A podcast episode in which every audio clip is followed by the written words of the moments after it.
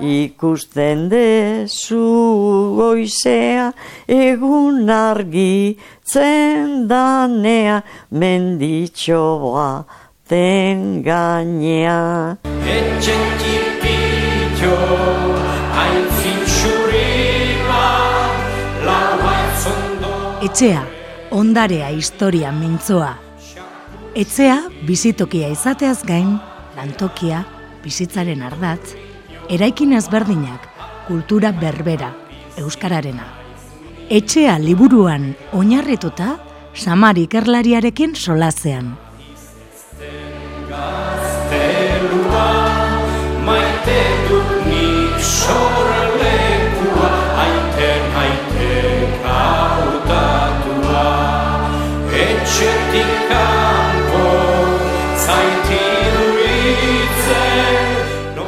Bilbo iria irratean, etxea, ondarea, historia mintzoa, liburua lagun dugula, etxearen eta gure ondarearen inguruan, mintzatzen ari gara, samarrekin batera.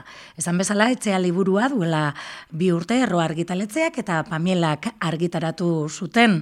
Eta horren inguruko tartetxoa irekitzen ari gara. Ba, gaurkoan, bigarren saioari ekingo diogu eta samar daukagu dagoeneko e, prest. Hau pa samar?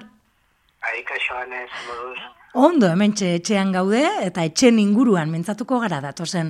E, minutuetan, e, bueno, ba, gure ondarean eta gure izanean izan duen garrantzia hori erreparatuz, ez? Hori egin zenuen eta e, liburu ederrean gainera, argazki soragarriak dituen liburu ederra eskutartean dugula. Eraikinaren inguruan e, mintzatuko gara, bigarren e, zaio honetan, eraikinak, e, ba, nolakoak izan diren eta zeintzuk diren zaharrenak zurezkoak ziren e, e, e, nolako e, noiz eraiki zituzten e, bueno, kokatu egingo dugu, ez?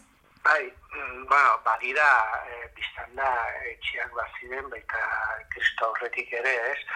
Eta, eta bide nadar, norbaitek interesa baldin badu, badire rekonstrukzio batzuk eta bisita daitezken mm -hmm.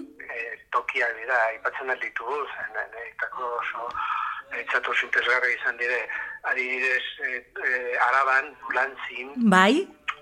ba, enaioko kastroa, burdinaroko erriska baten ondarrak aurkitu zituzten, mm eta hor berregin dituzte kontutan hartu aurkitu dena, ba, nolakoak ziren e, garaiko etxeak, da dira, e, pena irratian ezin dugu erakutsi, baina dira e, txabolak, bakizo e, borobilak, e, Afrikan ikusten diren oietakoak. Bat, bueno, antzekoak. Ba, e, antzekoak, ba, oso, oso, oso, ba, ba, zenbait berdin, berdinak ziren, eta dulantzin bi berregin dituzte eta bisita daitezke. Mm -hmm. dira ikusteko nola bizitzen zen, ez?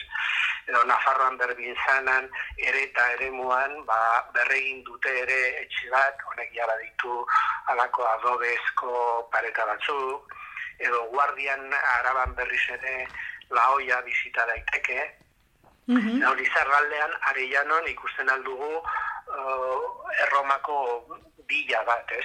Eta horiek dire, aintzindariak biztan da, lehenko denborretako, amako basuloak aipatu gabe, noski, ez? Baina gero, aipatu duzun bezala, ez da ezagutzen oso ongi zeatik, baina ama bosgarren mende bukaeran amasei garren mende hasieran, eraikuntzaren leherketa bat izan zen, loraldi bat, mm Orduan hasi ziren gaur egun ezagutzen ditugun etxe motak, herrietako etxe motak e, sortzen, ez?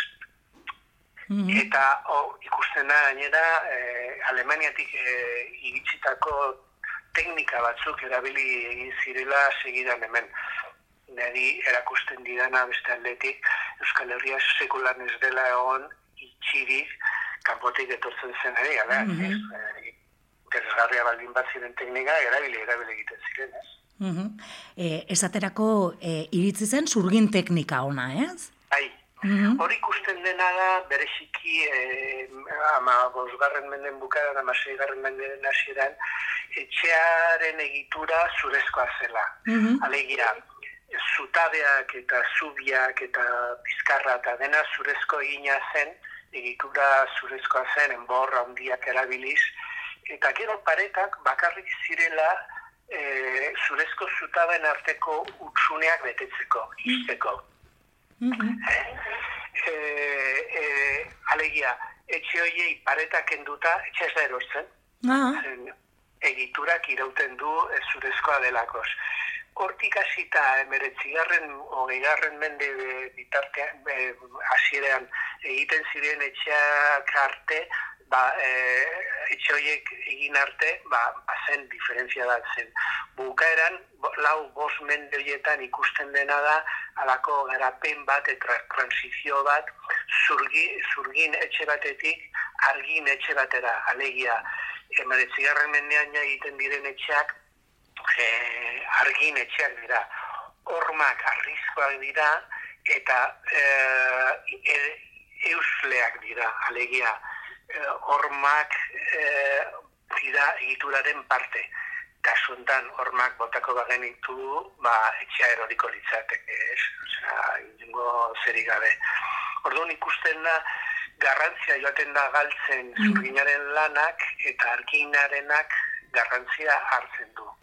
Orduan e, e, oso bitxia da hori, ez? Mm. Oso interesgarria. Mm -hmm. Baina zura lortzeko ere, e, bueno, ba, bai. oianak basuak beharko lira, ez ziren, ez? Bai hori da, ba, asiran amasegarren mendean, amabosgarren mendean bukaeran egiten ziren etxi, zurgin etxe horietan, ba, e, enborren neurriak markatzen zuen, etxearen altuera. Ah? Alegia, mm -hmm. etxeak baldin bazituen bi pisu, ba, enborrak, e, zutabe nagusiak ziren enborrek, e, altura, altuera hori zuten. Eta horrek eraman zuen, zautzen da, eraman zuela, e, enbor luze hauek e, eskastera. Aha. Gutxito egin ziren oianetan, mhm. eta momentu batean, e, ikuntzak sufritu zuen eskaz e, puntu hori. Ba, hori amasei garren mendean, amazazpi garrenean hasten da aldatzen, zen teknikak, zurgin teknikak aurreratu egiten du, eta ikasten, ikasten dute etxe egiturak egiten, baina e, zutabeak bakarrik pisu batekoak izanik. Eta orduan, zutabe horiek bi pisutan edo hiru pisutan mm meta daitezke mm altura gehiago emanek emanez etxeari eta ja, ez ziren behar hainen borra handiak. Mm Eta horrelako etzen inguruko adibideak badaude bisitatzeko? Bai, bai, bai, mm ba, badira eta ikusten aldira eta batzutan ba, zu, e, zutabe, zurezko zutabe horiek e, biztan baldin badira ikusten duzunean e, lurretik teiatura inoa boala zutabeak, mm -hmm. ba, biztan da, horrek erakusten du, e, etxe zarra dela, eta amaborz, amaborz, amaseigarren mendeen asirakoa dela, ez? Mm Eta e, bizkaian bai gaude, bizkaian lehan bizitara daiteken bat, bada landetxo goikoa, mm -hmm. poen bat, ba, fin, kerostik, izendatu Teo Lentzeroen etxea. Etxea, bai, bai, bai, egia. Nafarren bekaizkerien dako, zin, Nafarra baita Lentzero hori, baina etxea bizita daiteke, eta mm -hmm. da, berregin dute, barnekoa ez da asiran zen bezalakoa, mm -hmm. baina bon, ikusten alda, eta hori ikusten aldira, izugarrizko zutabe horiek, ez? Mm Eta paretak kanpotik eman direla. Bai, ka, Ipuzkoan, ba, mm -hmm. badago bat, bai? Guarri interesgarria bizitatzeko eta da, igartu behiti eski oitxasuan dagoena, mm -hmm. Bai, bai, bai. Eta baita ere, kanpotik argi eta garbi ikusten da, ez? E, e, bai. Zurezko... E, bai, bai, bai. bai. E, bai, ez aipatzen alda, ez, zurezko hori, eta hasieran gainera paretak ere oholak ziren, mm. zurezko oholak mm -hmm. ziren, besterik ez ziren, eta zenbait kasutan iraun dute horrela, ez?